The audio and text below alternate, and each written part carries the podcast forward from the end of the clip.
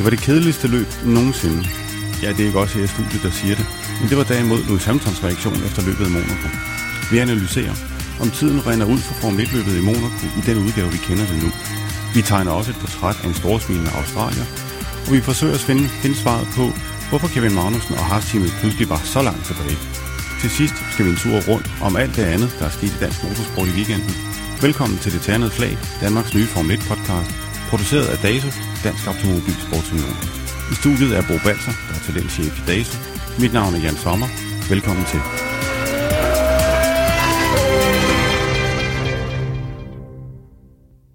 Formel 1-løbet i Monaco er det mest legendariske løb på hele Formel 1-kalenderen. Monacos gader har siden 1929 lagt asfalt til det legendariske løb, med spektakulære nærkampe, voldsomme afkørsler og en intens strategi. Men ikke i år. Det var det kedeligste løb nogensinde, sagde Lewis Hamilton og flere af de andre kører. Hvorfor var det så kedeligt, Bo? Jamen, øh, jeg kan nu altså huske flere andre Grand Prix i Monaco, der har været lige så kedelige, så, så det er ikke noget usædvanligt. øh, og jeg ved godt lige nu, der florerer det på, rundt omkring på de sociale medier om og en, en form for konkurrence om at, at tale det her løb ned og sige det der, at det, det frygteligste, de har været ude for. Alonso var også ude at sige det. Øh, men der synes jeg, man skal ligesom øh, holde lidt for øje, hvad er det for øh, et type løb, man forventer at få ned i Monaco. Og, og ligesom man skal kunne køre på, på Monza på højhastighedsbanen øh, og sætte hurtige tider der, skal du også kunne mestre Monaco. Altså, det, det drejer sig om nogle helt andre kvaliteter, du skal kunne der for at, at, at vinde i Monaco, som stadigvæk er et af de steder, hvor det er sværest at vinde overhovedet, og hvor mest prestigefyldt. Men lige præcis, hvorfor det blev så kedeligt, og det var kedeligt, det var to lange timer, øh, jamen det er igen, vi er nødt til at igen gå tilbage på det der forkætrede begreb, der hedder dæk. Øh, det er dækkene, der, der afgør sådan et løb her, og det er dækkene, der gjorde, at det blev en procession, øh, vi overvejede. Altså, hvor det blev en øh, paradekørsel? Det blev en paradekørsel. Altså, der var stor forskel på kvalifikationen, hvor vi fik nogle fantastiske øh, omgange at se. Vi fik en ny banerekord af Daniel Ricciardo, og når man så nogle indbort øh, billeder fra, fra den omgang der, så er lige før man fik sved på panden selv. Øh, men den måde kan du ikke køre på i løbet. Der var jo... Jeg, jeg var så heldig at være nede og fotografere løbet i Monaco, og der var en kæmpe kontrast fra kvalifikationen, som virkelig, hvor det virkelig var de der gladiatorer, der satte alt på spil igennem de her snævre gader her. Og vi er altså nede på en omgangstid, der hedder 1.10.8 for Ricciardo. Ja, altså voldsomt hurtigt rundt dernede, og så til nogle løbstider, der hed 1.18, 1.19. Det er 8-9 sekunder langsomt. Ja, det, det er vanvittigt, men, men det, det skyldes simpelthen en kombination af, af dækkene og så den måde, som, som banen er på. Uh, og det vil sige, i Monaco, uh, i selve løbet i Monaco, der, der drejer det hele sig om det, der hedder track position, altså hvor befinder du dig henne i feltet. Øh, kort fortalt, altså hvis du ligger på 6. pladsen, men ham på 7. pladsen er to sekunder hurtigere på omgangen dig, jamen han kan ikke komme forbi dig, hvis ikke du laver nogen fejl. Så derfor er folk øh, kørende meget, meget øh, forsigtige med at bytte track position med speed. Øh, man kunne sagtens have, have forestillet sig, øh, at man gik ind, øh, hvis man lå på den 8. og 9. pladsen, gik ind og hentede et par friske Hypersofts hen mod slutningen af løbet og kørte 5 sekunder hurtigere, som Lance Stroll gjorde på et tidspunkt, end, end de forreste. Men det gør hjælper ikke noget, når du ikke kan komme forbi. Og da det under træningen øh, blev klart, at de dæk, som man skulle bruge her, jamen de, hvis man var meget forsigtig og kørte øh, øh, med, med et rødende æg mellem foden og speederfoden og, og speederen, jamen så kunne du godt få nøjes med et pitstop. Øh, og, og det er så, så sætter du altså ikke alt ind på et bræt og kører hurtig omgang, og så siger at vi kører sgu en hurtig to i stedet for, fordi det kommer du ingen vej med. Nå, fordi du brænder vel også... Altså, det der var sket, det var det jo, at hvis de bare begyndte at skubbe lidt på hastigheden, så, så begyndte de at brænde dækkene af, så fik de det her graining, hvor... Altså, Markus Eriksson han siger på et tidspunkt under en af træningerne, at han kan slet, nu, nu vil han altså gerne ind i pit, for han kan slet ikke dreje til højre. Altså, Nej, han, men altså, han, jeg, det, jeg tror, det er svært for, for ikke racerkører, og her med mig selv, at, at, at forstå, hvor, hvor svært det er, øh, at forstå betydningen, det har, det der med graining for eksempel. Øh, og, og, og det er jo altså et, dilemma dernede, som, som kun kan løses på, på en måde, det er ved at give kørerne nogle, nogle, måske nogle hurtigere dækker. Men nu har vi jo i år de her syv forskellige compounds, øh, som, som man prøver, og, og, og lige præcis Hypersoft-dækket, som man brugte øh, for første gang i Monaco, var der ingen, der rigtig kendte jo.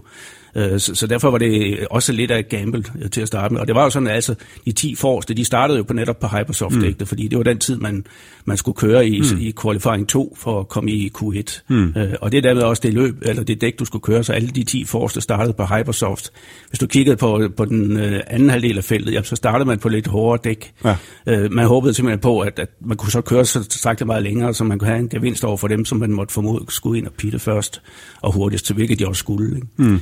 Men altså i og med, at man, man fandt ud af under træning, altså som sagt, at øh, man kunne altså godt nøjes med et pitstop, hvis man kørte ekstremt forsigtigt øh, og lavede med at presse noget som helst, øh, jamen så kunne du nøjes med et pitstop, og, og så øh, skulle du ikke bytte track position for speed. Og det var det, de alle sammen valgte at gøre.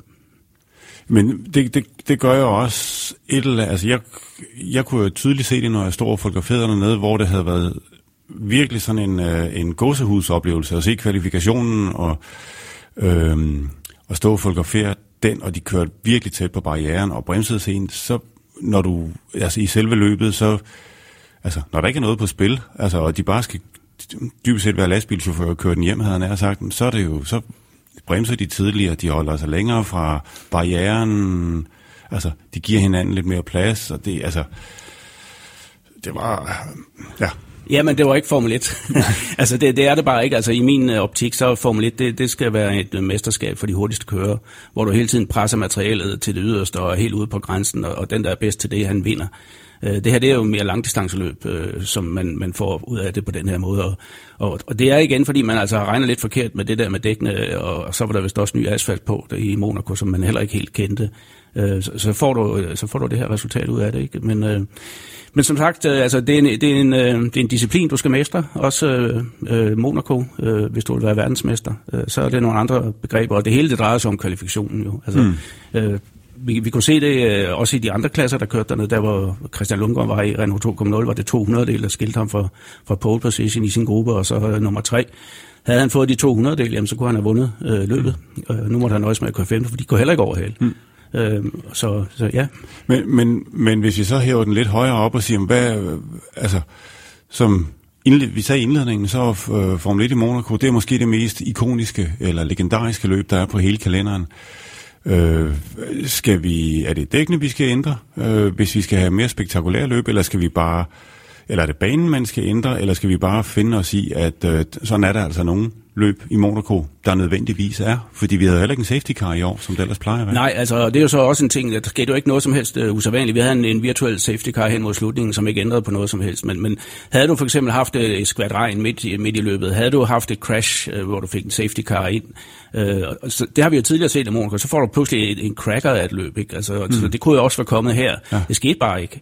Men altså, jeg vil også altså, komme med den påstand, altså for det første kan man jo ikke lave banen om. Den er, som den er. Du kan ikke lige... Nå, så, kan man, så kan man måske åbne op og køre på nogle andre gader, eller forlænge banen lidt med ja, nogle langsider. Det tror jeg ikke er muligt det... dernede. Altså, det, det, og jeg synes heller ikke, man skal gøre det, fordi at banen er, som du siger, ikonisk. Altså, der, der er så mange dramatiske historier gennem tiden fra Monaco, at det må man endelig ikke gøre. Det er også det største løb på kalenderen, mm. selvom at det ikke er et rigtigt racerløb i virkeligheden, når først øh, det går i gang. Mm. I hvert fald nogen, der mener. Ikke? Mm. Men, men øh, jeg vil også øh, våge den påstand, selvom du kigger tilbage i 50'erne og 60'erne, da man kørte der, og det, alting var meget bedre, siger folk. Der var heller ikke ret mange overhalinger i Monaco øh, under sådan Grand Prix. Det var også procession. Men, men det er jo, altså, hvis man ikke har været i Monaco og se Formel 1, så er det så synes jeg faktisk, at man skal tillade sig, eller hvis man har råd til det, øh, og har mulighed for det, så tage ned og se racerløb i Monaco gader, fordi det er noget helt specielt at se racerløb der, i forhold til alle mulige andre baner, fordi den er bare så ikonisk, den bane der. Altså, der er et eller andet ved at se dem. For det første kan du komme tæt på som tilskuer, og for det andet, så kan du... Øh, så, altså, det der med at mestre 800-900 hestekræfter imellem to øh, barriere på, på en front i en, i, en, i en by, det er jo... Altså, det, du, du ville aldrig nogensinde have haft Formel 1 i Monaco, hvis du skulle vedtage i dag, hvor skal vi lægge et Formel 1-løb henne? Det gør vi i gaderne i en lille by, havneby, nede i Sydfrankrig. Det vil aldrig nogensinde ske i dag. Nej, det er jo en anachronisme. Altså, det, det er jo noget, som, som ikke... Altså, som du siger, det vil aldrig blive godkendt i dag. Men, men der er også øh, meget, meget stor forskel på at se det i virkeligheden ned i Monaco, hvor man sidder nogle få meter fra banen og oplever, hvor tæt det bliver kørt, og hvor hurtigt det bliver kørt. Mm. Og så at sidde hjemme for en fjernsyn, hvor man sidder og småkeder sig. Ikke? Der er en stor forskel, og jeg synes i hvert fald, det er noget, man, man bør unde sig selv, hvis man ikke har været dernede og se mindst et Formel 1 Grand Prix. Prøv lige at tage derned, fordi en ting er, at, at, at det kan virke øh, stille, altså øh, kedeligt, for at sige det lige ud. Men, men det er det altså ikke, når man sidder så tæt på dernede. Øh, det, det er en helt anden oplevelse, man får. Mm. Men det var, det var bare lige et lille sidespring øh, her. Men hvis vi vender tilbage til det der med til dækkende og processionskørsel, øh, så er det jo, altså, vi kan vel heller ikke forvente, at der kommer nogen safety car perioder, fordi de kommer jo kun, hvis der er nogen, der har kørt sammen, eller der, der er sket et eller andet. Og der er jo ikke nogen af de her kører på det her niveau, der kører sammen eller kører ind i hinanden, hvis de ved, at vi skal bare holde den her position hjem. Altså for alt i verden undgå at overophede dækkene, fordi så... Altså, hvis de kører på 75 procent af deres kapacitet, så er der jo ikke så er det vel dybest set ikke, så bliver det heller aldrig nogen nærkamp. Nej, altså det er jo i hvert fald øh, et resultat, som vi så her. Det eneste, der sådan rigtig gik til angreb, det var jo en Max Verstappen, øh, som også havde en mulig grund til, det, hvor han startede sidst, efter at have smadret bilen. Øh, jeg tror, at Nico Hylkenberg havde en enkelt overhaling, eller også blev han bare vinket forbi af, af Sainz, men det var vel også det. Men, men selvom at, at man har den der situation, hvor kørerne kører så forsigtigt og ikke øh, vil risikere noget, altså, så ske, kan der jo ske noget. Vi så Leclerc banke op øh, i øh, Brendan Hartley for eksempel. Hmm. Øh, for, angiveligt, fordi han havde en bremsefejl. Ikke? Ja. Men der kunne godt have kommet en safety car ud, og det var jo hen mod slutningen af løbet, og der kunne godt have lige pludselig været sket en hel masse der. Det, man valgte så at lave den øh, virtuelle safety car i stedet hmm. for, hvor bilerne bare skal holde position. Øh, og det, det, så får du ikke feltet samlet, og så får du ikke en restart, øh, som måske kunne have ændret nogle ting. Mm. Men, men hvad, nu, du synes så ikke, vi skal ændre på, på, på banelayoutet og begynde at køre på nogle andre gader. Hvad, hvad bliver vi, er, er vi blevet for forventet med, at vi vil have underholdning hele tiden efter. Altså, hvis vi tager i år, så efter løbet i Australien, så var det dødssygt, for der var ikke nogen overhældinger. Og det var, så kom vi til Bahrain, så var lige pludselig en masse overhældinger og godt racerløb. Så glemmer man alt om al den kritik, der har været om Australien. Er vi blevet for forventet? Vil vi, vil vi have underholdning og overhaling og skal man sende, begynde at sende safety cars på, altså lidt ligesom vi kender fra NASCAR, hvor man sender en safety car ind, sådan ligesom for at samle feltet. Skal, skal vi råde os ud i sådan noget, eller skal vi bare komme til den erkendelse, at der er altså nogle løb, sådan her racerløb også? Jamen altså, der er også 0-0-kampe i Champions League, ikke? Altså, det, det, det kan bare ikke være et, et festfyrværkeri hver gang. Jeg synes heller ikke, det skal være det, og, og et, et løb kan godt være et, et rimelig udramatisk løb, men hvis du ser en enkelt suveræn overhaling, eller en eller anden fight øh, midtvejs igennem løb, så lige før det er det hele værd, ikke? fordi det, det er så det, du husker fra det løb. Jeg synes ikke, man skal gå hen og lave øh, en revolution. Og, og man har jo faktisk allerede øh, efter Australiens løb øh, lavet lidt det, der hedder knæfald, synes jeg, mm. fra, fra FIA's side, i det man har gået ind og gennemtrumfet en, øh, en regelændring til næste år, hvor man vil fjerne noget af, af den effekt, som frontvingerne har. Mm. Simpelthen fordi, der var masser af kritik af, at der ikke var nogen overhalinger i Australien. Og det har også fået så til gengæld masser af kritik den anden vej, fordi man siger, jamen altså bare fordi du har et enkelt øh, 0-0-løb, så skal du ikke gå hen og ødelægge det hele. Og, og, og det der, man tror med, at man bare kan lave en, en lille øh, øh, fix ting, så har du straks en, en masse overhalinger igennem løbet. Jamen det, det kommer bare ikke til at ske. Mm. Øh, så, så finder de bare på noget andet. Ikke? Altså, altså, kun, altså kendskærende er bare, at moderne formbiler kan ikke køre ret tæt efter hinanden, øh, uden at det mister trykket på forvingen, og dermed begynder de at understyre over ved dækkene osv. Øh, der er nogle baner, der, der er værre end andre, mm. øh, men jeg synes, at når man når man har et verdensmesterskab, øh, og det har man jo i, i Formel 1, og det, det er virkelig i verden som spænder så videre, så skal du også have alle typer baner med. Mm. Øh, og Monaco, det gør altså mere for Formel 1-cirkuset øh, som sådan, øh, end, end stort set resten af, af løbene gør. Du kan ikke, jeg kan i hvert fald ikke forestille mig en Formel 1-sæson uden af Monaco, selvom løbene er, som de er. Nå, man, man kan måske forestille sig en, et Formel 1-felt uden Ferrari, altså for at drage den sammenligning med en Formel 1-sæson uden løbet i Monaco, det, altså... det er i hvert fald det, som øh, også Bernie Ecclestone i, i sin lange regeringsperiode synes, øh, og, og man har i hvert fald hørt, og kunne læse mellem linjer og så videre, at, at Monaco er den eneste bane, der ikke betaler Formel 1 for at komme. Mm. Altså tværtimod nærmest, man betaler for at få lov at komme. Mm. Og det er jo et, altså, det er jo en sammensmeltning af showbiz og, og business og sport, som du ikke ser nogen andre steder. Det er det event. Formel 1-løbet Monaco det er det største er event, event, der findes. Ja. Og, og det er jo, som, som mange mener i hvert fald, et af de tre største motorløb i verden. Mm. Uh, altså Monaco, uh, Le Mans 24 timers løb og Indy 500, det er de mm. tre store løb uh, på, på bane i hvert mm. fald. Ikke? Uh, og man fjerner jo ikke bare den ene, det ene ben på en, tre, en, tre, en trebenet gammel, vel? Så, så vælter det hele jo.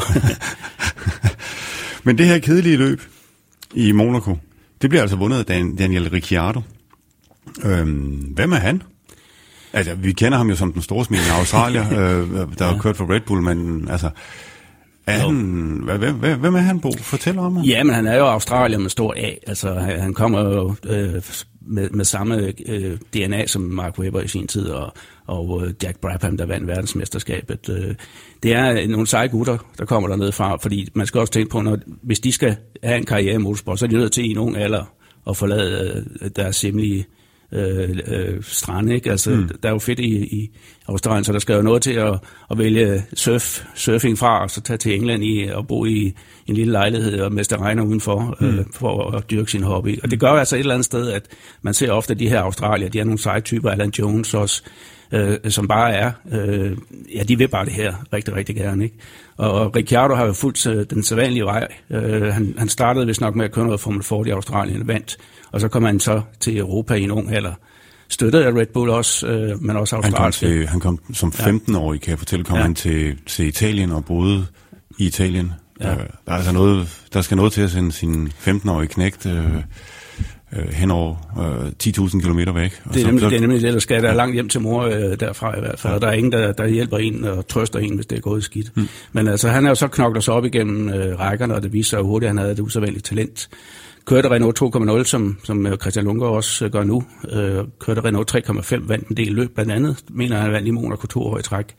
Øh, og så har han så fået bidt sig fast øh, hos Red Bull der.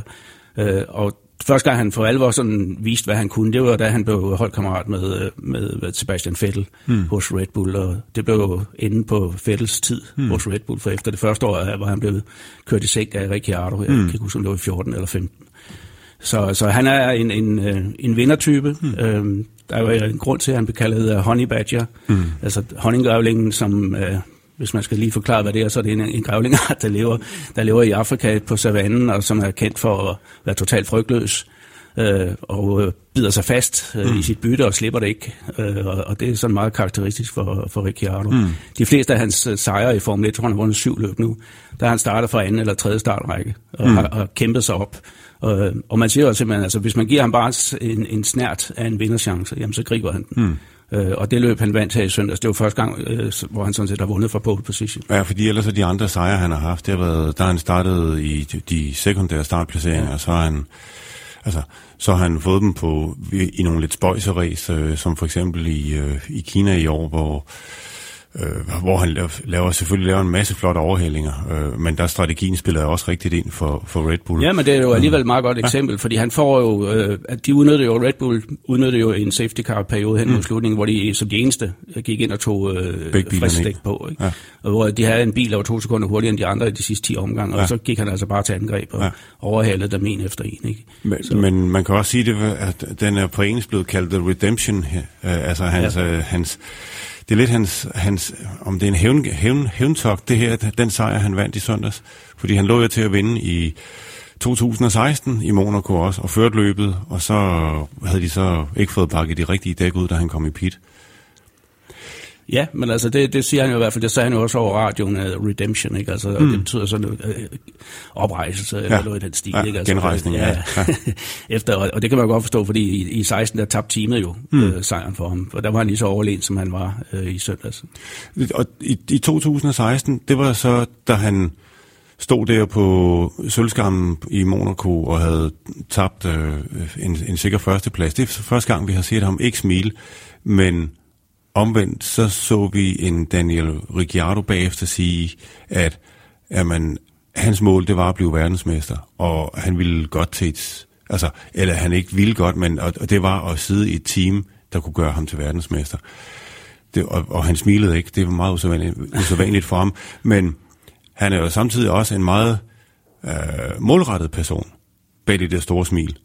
Jamen det skal man ikke tage fejl af. Altså der er en, en, en vindertype, som sagt, som, som vil gå hele vejen øh, og, og gøre stort set hvad som helst for det. Og det er klart, at noget af det, der gjorde rigtig ondt på ham, øh, det var nok sidste år, hvor Red Bull valgte at, at forlænge med Max Verstappen. Øh, to år, selvom at øh, han sådan set var under kontrakt, mm. men man, man ikke havde tilbudt øh, Ricciardo det samme. Mm. Øh, det tror jeg, det rumsterer i baghovedet. Øh, og, og det er måske også lidt det redemption, han tænker på, mm. ikke? fordi han, er, han bliver jo allerede nu sat i forbindelse med, med Ferrari. Ja. Altså spekulationerne er jo begyndt, men, men det hele jo, ja, Ferrari kan jo lukke luften ud af alt det her ved at sige, at vi forlænger med Raikkonen en gang til, så falder alt det her til jorden. Ikke? Øh, jo, men, men det, om... det, det finder vi jo ud af senere på sæsonen, om, om det gør. Ikke? Det er jo spekulationer, man ja. kan også sige, sådan en som Toto Wolff, han holder måske også sådan rimelig, ja. rimelig god kontakt til Ricciardo, fordi der er også en Bottas, der... Ja Og der er en Lewis Hamilton lidt op i årene. Jo, jo, men altså, det, det er der jo. Altså, der er jo øh, øh en del øh, kontraktudløb efter mm. 2018 øh, blandt de store navne, og ja. derfor kan der ske nogle forskydninger, og det forventer man også at gøre. Øh, men igen er det Ferrari og Raikkonen, synes jeg, der har nøglen til et stort, øh, øh skal man sige, skifte i mm. toppen af Formel 1. Ja. Og, og det ved de også godt hos Ferrari, så den trækker de jo så lang tid de kan for øh, at drille de andre lidt, og det tror jeg, øh, samtidig med at Raikkonen faktisk kører ganske udmærket i år, øh, bedre end han har gjort de sidste mm. flere år. Han har fået en bil, der passer bedre til sig selv. Mm. Men med hensyn til Ricciardo, altså han jo, det er jo ikke tilfældigt, han, jeg tror, to ud af de sidste tre år i de engelske autosport, hver år, når man laver en afstemning blandt eksperter om, hvem man synes var den bedste Formel 1-kører. Mm. Øh, der har han vundet, altså foran verdensmesterne. Mm. Øh, simpelthen blevet kaldt den, det verdens bedste Formel 1-kører, det har han blevet et par gange. Øh, og det siger jo lidt om den, øh, det ry og, og, og den, øh, den måde, folk ser på ham inden for, for sportens verden. Han er en potentiel verdensmester, det er der ingen tvivl om. Og han kan også godt nå det i år, men jeg tvivler lidt, øh, fordi at, at Renault stadigvæk har et lille efterslæb omkring hestekræfter i forhold til Mercedes og Ferrari. Hvis vi så lige vender øh, snuden tilbage i sporet mod den sejr, han vinder nede i Monaco, altså, så var det jo ikke, altså, det var bare, det var Ricciardos weekend. Ja. Altså, han var hurtigst i alle sessioner, og han øh, sætter den på pole med fire tiendedele ned til, øh, ned til Fettel. Det er ret godt gået. Og så kiggede han sig ikke tilbage, og selv på 28. omgang, da han får en fejl på bilen, da den mister, hvad Red Bull siger, 25 procent af hestekræfterne, øh, så kører han den hjem stadigvæk på den konto der. Det siger vel også noget om, at han, altså, han er vel, han er der i sin karriere, han er vel der i sin karriere, hvor han har farten, og han har erfaringen. Ja, altså han, han kører nok bedre, end han nogensinde har gjort. Altså, og så har han fået en god start på sæsonen, og har allerede vundet to løb nu her.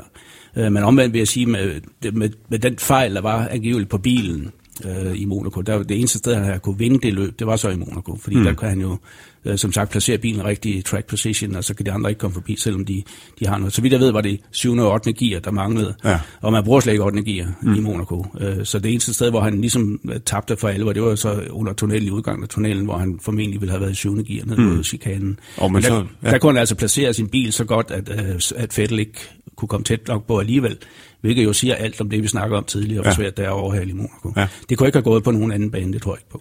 Nej, og, og som Jolien Palmer, han, øh, han, han pointerede, havde det været, og han er Jolien Palmer, det var han tidligere Renaults Formel 1-kører og teamkammerat med Kevin Magnussen, og han er nu øh, ekspertkommentator hos BBC. Men som han pointerede, så altså, havde det været alle, alle andre baner, så hvis du ikke kan bruge de to sidste, altså 7. og 8. gear, så, altså, så kører du bare bilen ind, og så, ja. Ja, så men, udgår men, man det. Men det kan altså lade sig gøre i Monaco. Og, og så skal det så også siges, at altså, det altså, kræver, man holder altså, hovedet koldt også, og man du, du skal holde hovedet koldt, og du skal være en snu kører, du skal kende dit materiel, du skal have en god kommunikation med ingeniøren, der siger, at du skal bare, vi kan ikke gøre noget ved det her, men det bliver ikke værre, hmm. øh, og du skal bare gøre sådan og sådan og sådan, og så, så øh, kunne han altså, øh, kan man sige, gennemføre taktikken øh, i cockpittet, hmm. øh, og det gjorde han jo til UG. Og det er dejligt at se Ricciardo. Han er en øh, Jamen, han er jo showman. Han er jo en fantastisk, øh, fantastisk aktie for Formel 1 i det hele taget. Med sit øh, vindende væsen, sin, sit showmanship. Øh, han har jo festet efter eget udsagn både øh, søndag aften og mandag. Øh, blev smidt i, i swimmingpoolen og hoppet selv i swimmingpoolen og så videre. Han er en, en gave til Formel 1. Han er mange penge værd til Formel 1. Ja, det, det må man sige. Han er, øh, han er han er, han er festlig og lige til, og han er relativt nem at komme i kontakt med. Det, man kan sige, hvis man tager ham op imod nogle andre store verdensstjerner, som nogle af dem fra fodbold for eksempel, så er han jo en kæmpe gave til, et hvert team og være teamsponsor. Ja, også. altså det, der er blevet vist mange flere billeder af Daniel Ricciardo og hans store smil end, end i mange af de andre kører. Ikke? Mm. Øh, og dermed får sponsorerne også med eksponering. Og i det hele taget så har Red Bull jo altså de to mest flamboyante kører i Formel 1. Øh, så, så det, det giver jo også noget på, på plussiden hos uh, Dieter Matstik, må man gå ud fra. Mm. Er der en kommende verdensmester i år? Ja. Men ikke i år? Ja, det, kommer an på, om uh, Renault kan holde trit med Mercedes og Ferrari i motor development hen over sæsonen. Uh, om de undgår de, uh, de problemer, de havde med holdbarheden uh, hen mod slutningen af sæsonen mm. sidste år, for så kan han ikke. Øh, og jeg er også bange for, at når du kommer ud på de normale baner, vi får da se kenderne, altså fordi der, er, der, det er en power circuit, mm. øh, hvor godt Renault hænger med der. Ja. Øh, efter Tina skulle de have noget i pipeline. Med, ja, der skulle komme en opgradering ja. til. Ja. Men det gør de andre nok også. ja, ja, ja. så, ja, ja. så hvis man mangler de der 20-25 heste, altså, så er det måske for stort handicap, selvom man helt klart har det bedste chassis hos Red Bull. Det, det tror jeg ikke, der kan være nogen tvivl om efter, efter løbet her. Mm. For lige at vende tilbage til Ricciardo, øh, hvor tror du, han kører til næste år? Jamen altså, som sagt, så, så rygtes han jo til Ferrari, øh, og det er, det er ikke første år, han er blevet det. Det er han blevet flere gange. Ja. Øh, øh, men spørgsmålet øh, der, det er jo nok, altså hvad siger Sebastian Vettel til det? Øh, hvis Vettel vinder verdensmesterskabet i år, så må man gå ud fra, at han har et vist ord at skulle have sagt. Og jeg tror ikke, han inviterer Ricciardo ind i sit team. Godt, at han har en Ricciardo-klausul i sin kontrakt. Han vil gerne have en kører, som han ved, han kan stå. Ja. Øh, og, og hvem vil ikke det? Øh, og, og som øh, hvis man er regerende verdensmester, så vil jeg sige, at han er femdobbelt verdensmester, så har han for pokker eller andet skulle have sagt. Mm. Så, så, så det kommer an på det, øh, men, men øh, omvendt så er de ret kolde hos Ferrari. Øh, den nye ledelse, mm. Fiats øverste chef, han er nok ligeglad med sådan nogle sentimentale ting der. Ikke? Hvis du ikke kan lide at køre, så, så må du finde det andet. Finde det andet time ja. ja. Så altså, men jeg vil elske at se Ricciardo i Ferrari, fordi det vil være, han, han er en, en efter for mig så er han en typisk Ferrari-kører, mm. som efter den gamle skole, mm. ikke? altså en, en, en exceptionel flamboyant type, som også kan køre, og som er øh, dødsforagtende, havde han sagt, mm. fighter øh, overalt. Ikke? Mm. Så det vil, det vil passe godt, det vil godt mærkes. Bare lige for at understrege, hvor god Ricciardo er, så sagde Helmut Marko, der er sportslig rådgiver for Red Bull, øh, efterløbet, at øh, ingen andre kører i feltet ville have klaret at kunne gennemføre løbet med kun øh, 6 ud af de 8 gear. Hvis man nogensinde skal have ros fra en type som Helmut Marko, så er det vel det tætteste, man kommer på det. det ja, det er han ikke kendt for at uddele alt for meget af, det er helt sikkert. Men han er jo også, altså Ricciardo er jo Marcos opfindelse mm. også, ikke? Og det er jo Helmut Marko, der har stået for, for Red Bull Junior-programmet i mange år, mm. og, og, og udvalgt de kører, som, som skulle op. Og der er ingen tvivl om, at han er godt tilfreds med sig selv over, at han har valgt Ricciardo.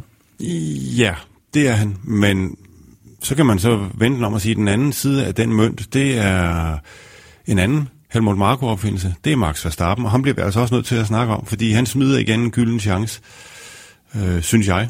Hvad synes ja, du? Jo, jo, men altså, Red Bull var så overlegen i Monaco, at de skulle have vundet en 1-2 sejr. og det ved, øh, det ved teamet, øh, det ved øh, Verstappen også godt. Så han kan jo kun sidde og forbande sig selv, at han, at han satte den ind i, i væggen der i en tredje fri træning. Men i en tredje fri træning og sætte den i væggen, det ja. Jamen altså, det, det er vel øh, typisk for Verstappens sæson indtil nu. At, ja, det, ja, ja, ja, det er at man, man, har, man har nogle gange lidt svært ved at forstå, hvad han laver, øh, fordi han satser på nogle tidspunkter, hvor det ikke er nødvendigt, og, og ødelægger dermed weekenden for sig selv, før den overhovedet er startet. Ikke? Mm. Øh, omvendt må man så sige, at han starter 20. og sidst, og han slutter nummer 9. Øh, det viser så også, hvad han kan, mm. øh, selvom han havde den bedste bil. Men, men han var også den eneste, der, der lavede nogle overhalinger. Han lavede en god overhaling på Science blandt andet. Ja. Øh, en af de eneste overhalinger overhovedet i løbet. Men øh, det er klart, hvis han, han havde nok inden øh, sæsonstarter, havde sikkert også af sine rådgiver fået at vide, at i år kan du blive verdensmester. Mm. Øh, og så starter det skidt ud i Australien, øh, og det fortsætter i de andre løb, og det, det fortsætter, og det fortsætter med, at han crasher. Øh, og teamet er ude at sige nu, at han skal, han skal ændre sin, sin tilgang til det hele.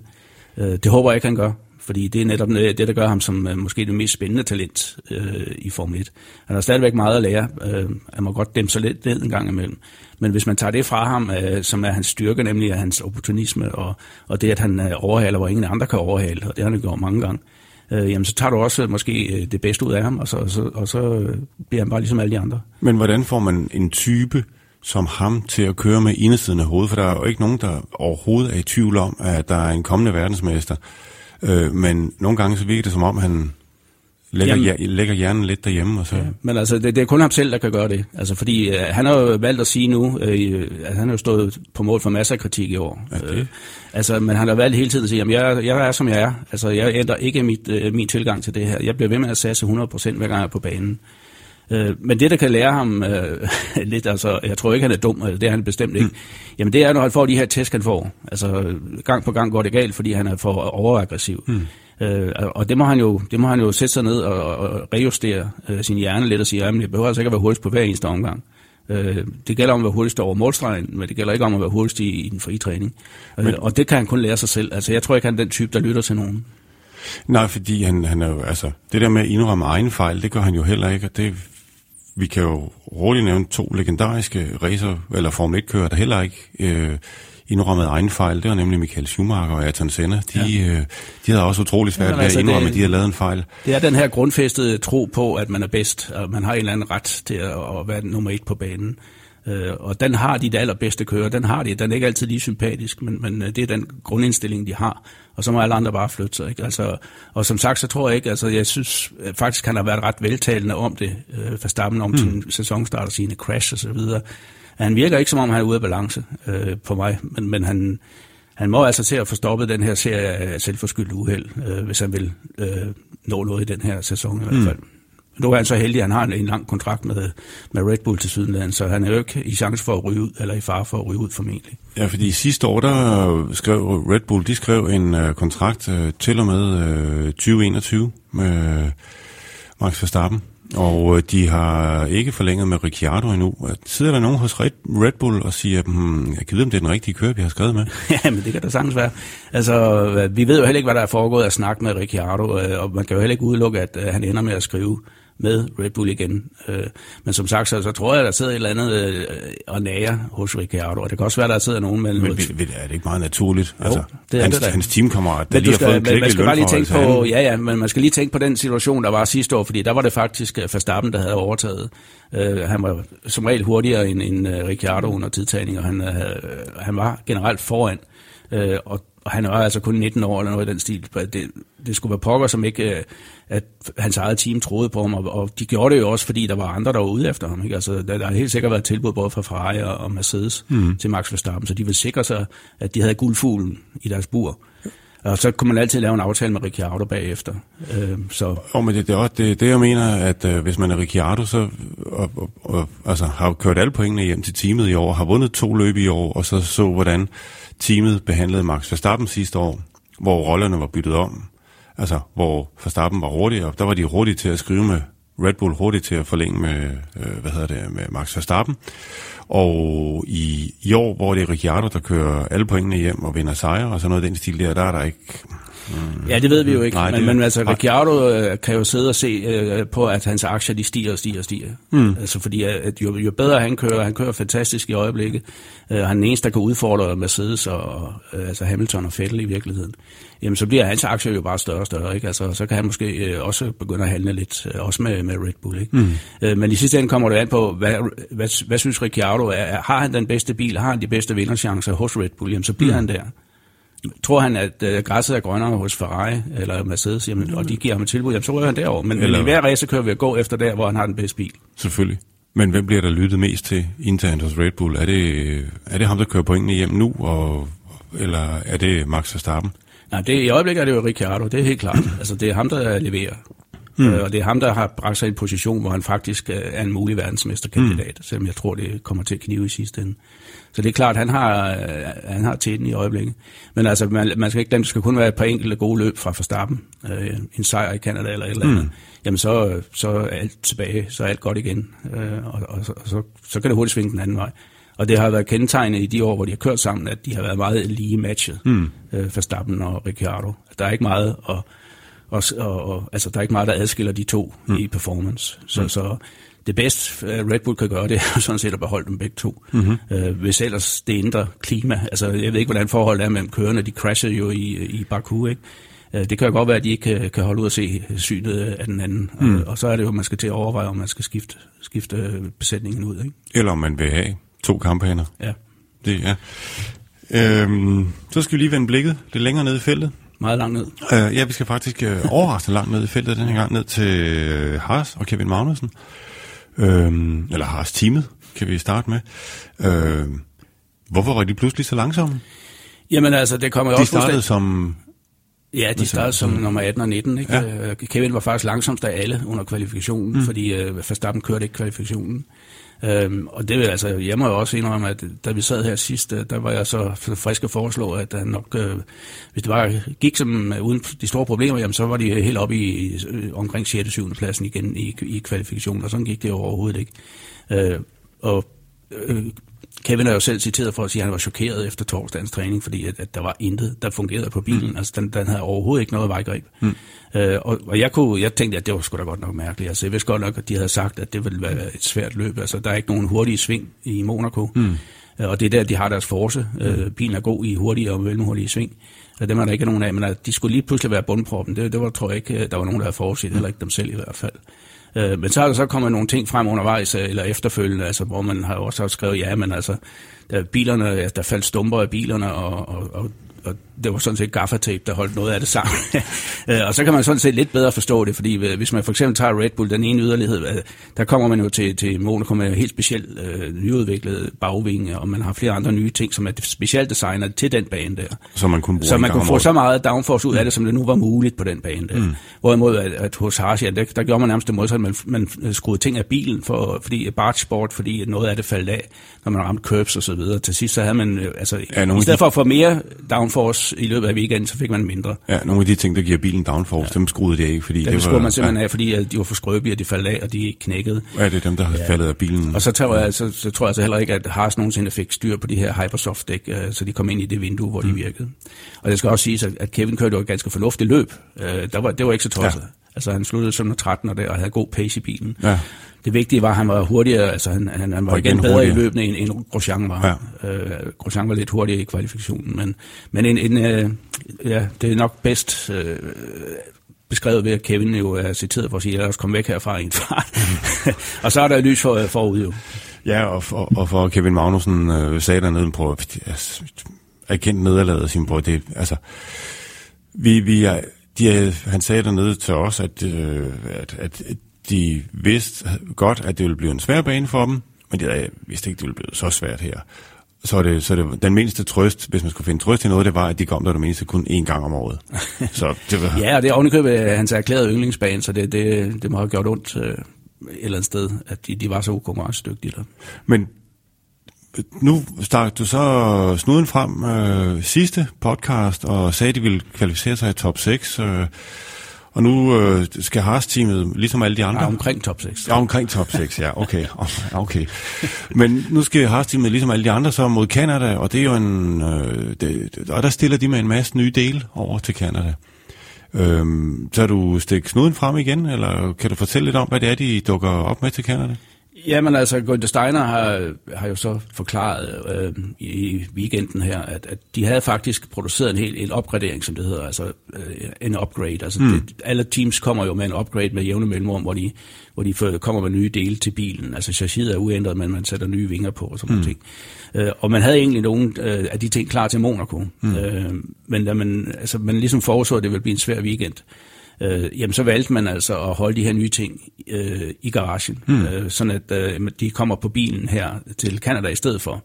Og, og det drejer sig efter, efter, hvad man kan læse, altså om en ny øh, bund for eksempel, mm. en, en ny bargeboards øh, på siderne her, forskellige andre ting. Nogle af dem, der bliver siddende? Ja, ja de skulle gerne kunne blive siddende der. Så, så det, bliver, altså, det bliver faktisk en, en, øh, en, en, en totalt opgraderet version af Haas-bilen, og mm. de har altså også de sidste nye øh, Ferrari-motoren. Mm. Øh, og der øh, netop Montreal-banen er en power circuit, som det hedder, altså mm. det er hestekræfter, der er alt afgørende der. Jamen, så, så det, bliver det ikke øh, forhåbentlig der i hvert fald en, øh, en gentagelse af, af Monaco. Mm.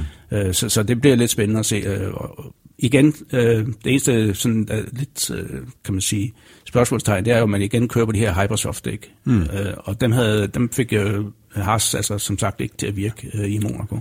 Men der, det er jo øh, to, som du selv siger, to forskellige baner, så det kan være, at de har de måske, eller de, de, forhåbentlig kan finde vinduet ja, for dækkene. Det må, det må man da håbe. Altså, det, det er jo altså, det er jo sjovt nok, altså på nogle områder minder at Montreal, Montreal lidt om Monaco, i og med, at der ikke rigtig er nogen hurtige sving. Altså, mm. Altså, der, der er det der for enden af start og mål langs siden, der er et hurtigt venstre sving efterfulgt af et højre. Mm. Men ellers er det jo mest chikaner. Mm. Altså det er i virkeligheden to lige stræk, øh, afbrudt af chikaner, ja. og så en 180 graders sving i hver ende. Det, det er Montreal-banen. Ja. Ikke? Så der er, ikke, så, der er ikke nogen decideret hurtige sving.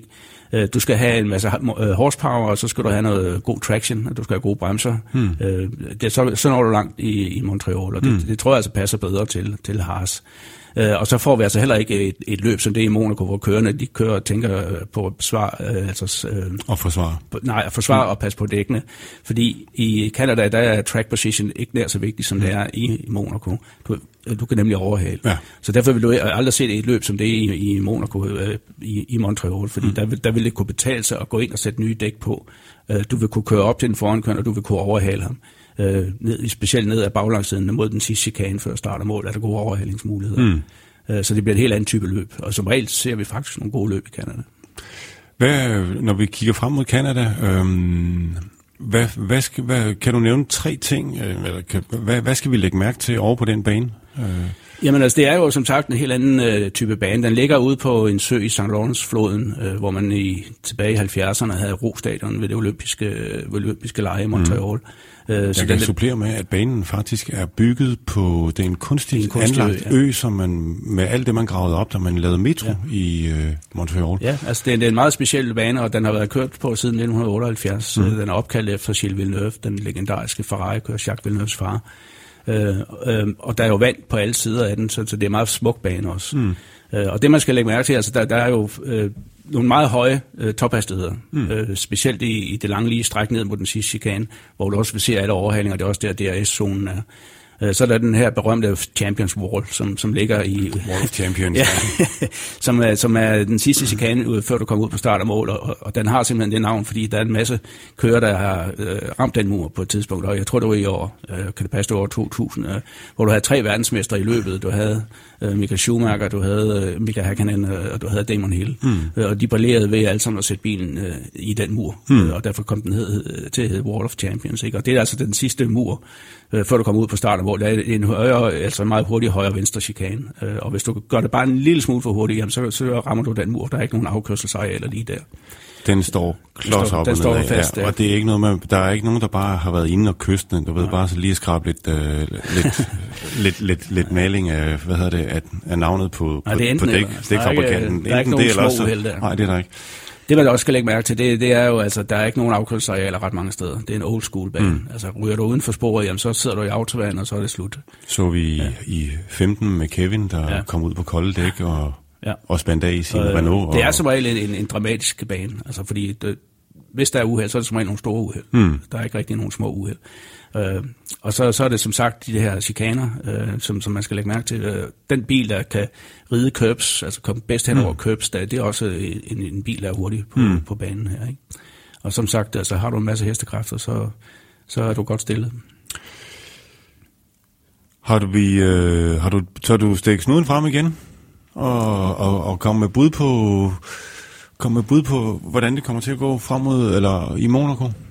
Eller i Montreal? Ja, Montreal, jeg tror du mener. Øh, Ja, men altså, hvis vi kigger på historikken, så, er det jo, så peger det jo altså mod Lewis Hamilton. Han har jo vundet der. Der står Lewis Hamilton overalt på den bane. Så, så, så, så der, har, der har, må man formode, at han føler sig hjemme. Mm. Øh, men jeg har en lille fidus til Fettel og Ferrari, fordi at, at det er altså, jeg tror Ferrari er en lille skridt foran på motorsiden mm-hmm. øh, i øjeblikket, og, og det kan godt blive afgørende der. De er jo så langt fremme, at Mercedes de har været ude og klage til FIA over, at, der er nok et eller andet skummelt ved den her seneste nye Ferrari-motor, men øh, FIA har jo lige her de sidste, i, i forgårs eller, eller andet sagt, at der er ikke noget forkert her, der ja. er lovlig den motor. Ja. Så det, det viser jo også, at Mercedes er, er en lille smule presset her. Altså, det, det, ja. de kan godt se, at, at Ferrari har fundet noget, de Men det er vel også sådan, det er i Formel 1, at hver gang der er nogen, der kommer med noget nyt, som man ikke selv har tænkt på, så kan det næsten kun være ulovligt. Så, så, prøv, så, prøv, ja, så prøver man det hos FIA. Altså. Helt, helt ja, sikkert, ja. ja. Men det er altså afvist her, men, men i det hele taget så foregår der en masse ting bag kulissen, og der også, altså Ferrari har været, været sure på, på FIA, de har været sure på Pirelli og så videre, fordi de mente Pirelli favoriserede Mercedes i, i Spanien og alt det der. Der foregår hele tiden noget. Der foregår hele tiden et politisk magtspil bag kulissen. Mm øh, hvor man hele tiden forsøger at få en lille smule fordel frem for konkurrenterne. Ikke? Altså, mm. Det hører bare med i Formel 1. Mm. Øh, sådan har det altid været. Øh, det er ikke så kønt altid, men, men det er sådan, det foregår. Så er der også sket en masse andet i løbet af weekenden, udover at der blev kørt Formel 1 i Monaco. Øhm, det ved du mere om. Øh, hvad har der været sket i weekenden? En sejr i Formel 3, Nikolaj? Nikolaj Kærgaard, ja. Altså en af vores øh, dygtige unge talenter, mm. 18-årige Espagenser, som, øh, som kører i det engelske Formel 3-mesterskab øh, vandt øh, en afdeling på Snetterton, øh, blev nummer to i et af de andre løb, der køres tre løb i hver runde, og så udgik han altså i den tredje.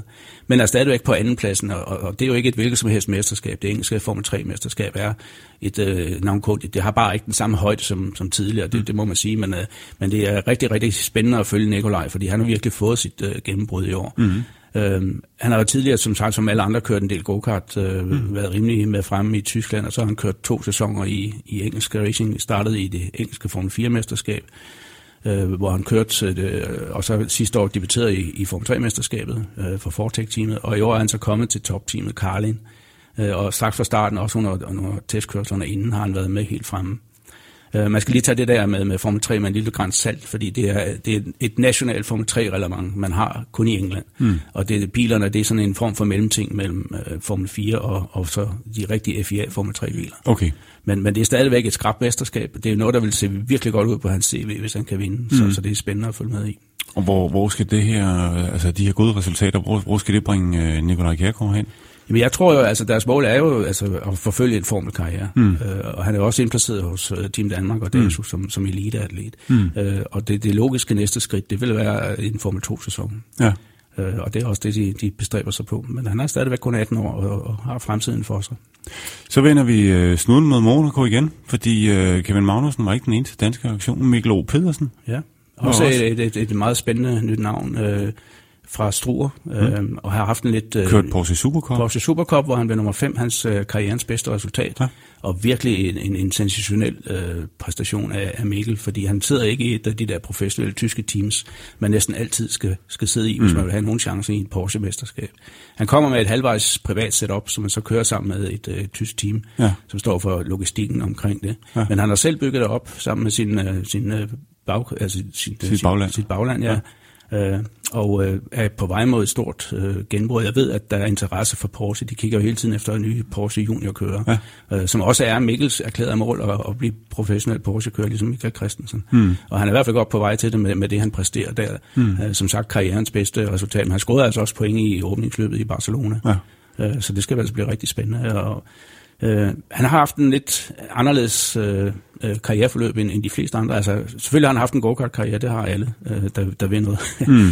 øh, og blev også øh, vinder af, af CTEC Formel Ford-mesterskab for nogle år siden. Men, men så skifter han med det samme til karrierekop i Sverige, mm. øh, og kørte en sæson derovre, øh, og øh, gjorde det rigtig godt og endte med at blive inviteret til, øh, det var i 2016, til, til det sidste løb i Porsche Supercup, som blev kørt i Austin, altså på Circuit mm. of the Americas. Øh, så kørte han i 17, en, øh, nej 16 var det så, øh, en, en halv sæson i Porsche Supercup. Det var hvad budgettet øh, kunne nå, og så i 17 kørte han så en fuld sæson og, og fik mange gode placeringer. Mm. men men det, det bliver bedre i år, det er jeg ja. helt sikker på. Så ham skal vi også holde øje med. Hans mål, det er jo som sagt øh, Porsche øh, karriere som professionel. Mm. Den er inden for rækkevidde. Ja. Og vi bliver i Monaco. Øh, Christian Lundgaard kørt øh, to øh, Formel Renault 2,0 løb i Monaco. Ja, og, og det er jo... Med også, to femtepladser? Ja, det lyder måske ikke så meget, men man skal, man skal lige tænke på... Det er godkendt, er det ikke? Det er 100% godkendt. Altså, og, og for lige at illustrere, hvor, hvor godt resultatet er, hvis, hvis øh, Christian havde kørt en, en kvalifikationsomgang, der var 300 del hurtigere end den, han kørte, så han holdt øh, på pole position i, øh, i sin gruppe, og dermed startet begge løb fra første startrække. Og hvis man tror, at, at Formel 1-løbet var kedeligt, jamen, så skulle man se de her Formel Renault-løb, for der sker der altså heller ingenting. Der er heller ingen overhalinger, der er heller ikke nogen overhalinger på Porsche Supercup. Det hele i Monaco drejer sig om kvalifikation. Hmm. Og havde Christian kommet de her 200 del sekund hurtigere over målstrengen, så har han startet forrest øh, i forrest startrække i begge løb og så har han kørt med om, om øh, førstpladserne. Øh, nu starter han tredje startrække i begge løb, og det bedste han kunne, det var så to femtepladser, mm. og det er absolut godkendt. Og han har faktisk udbygget sin, sin føring i rookie-mesterskabet, mm. øh, og han er stadigvæk nummer to. Han er stadigvæk på den samlede anden plads. Så, så det ser lyst ud, og han er ja. for nylig her også blevet fået et ordentligt skulderklap af Renault. Øh, Formel 1-teamet, fordi han er sammen med Jack Aitken, de to eneste fra akademiet, der, der får lov at bruge Formel 1-simulatoren i ja, de, de er blevet udtaget til... Ja, og ja. de skal simpelthen medvirke til at bygge den nye Renault Formel 1-bil for 2019, og det er der noget, at skulle klart. Ja, det må man sige.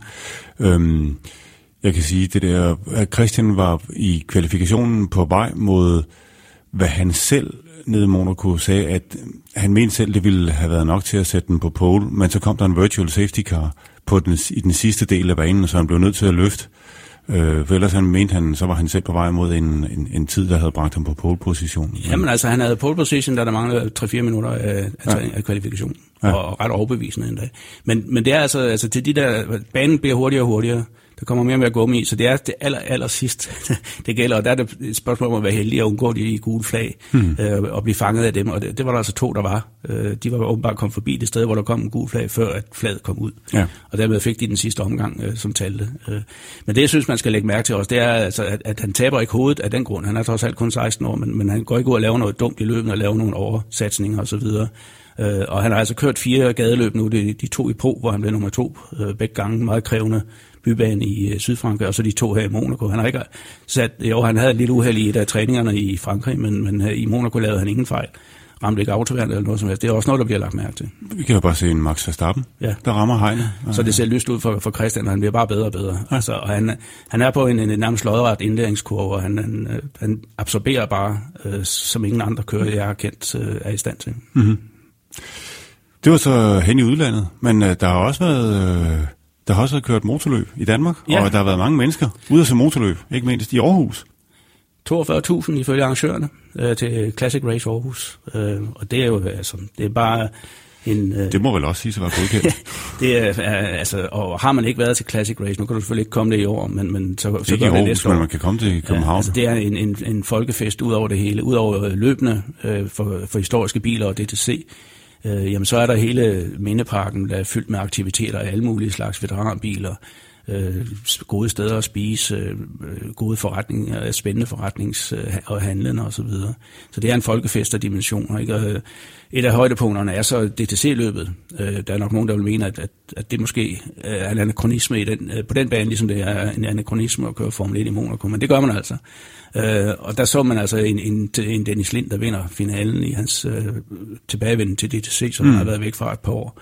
Øh, et af de oversete talenter, synes jeg godt, man kan mm. kalde det. Han er et, øh, en fantastisk øh, kører, øh, Dennis, som øh, ja, han er halvfætter til Kevin Magnussen mm. for det første. Han har vundet Ford Ford-mesterskaber, han har vundet DTC øh, som den yngste nogensinde.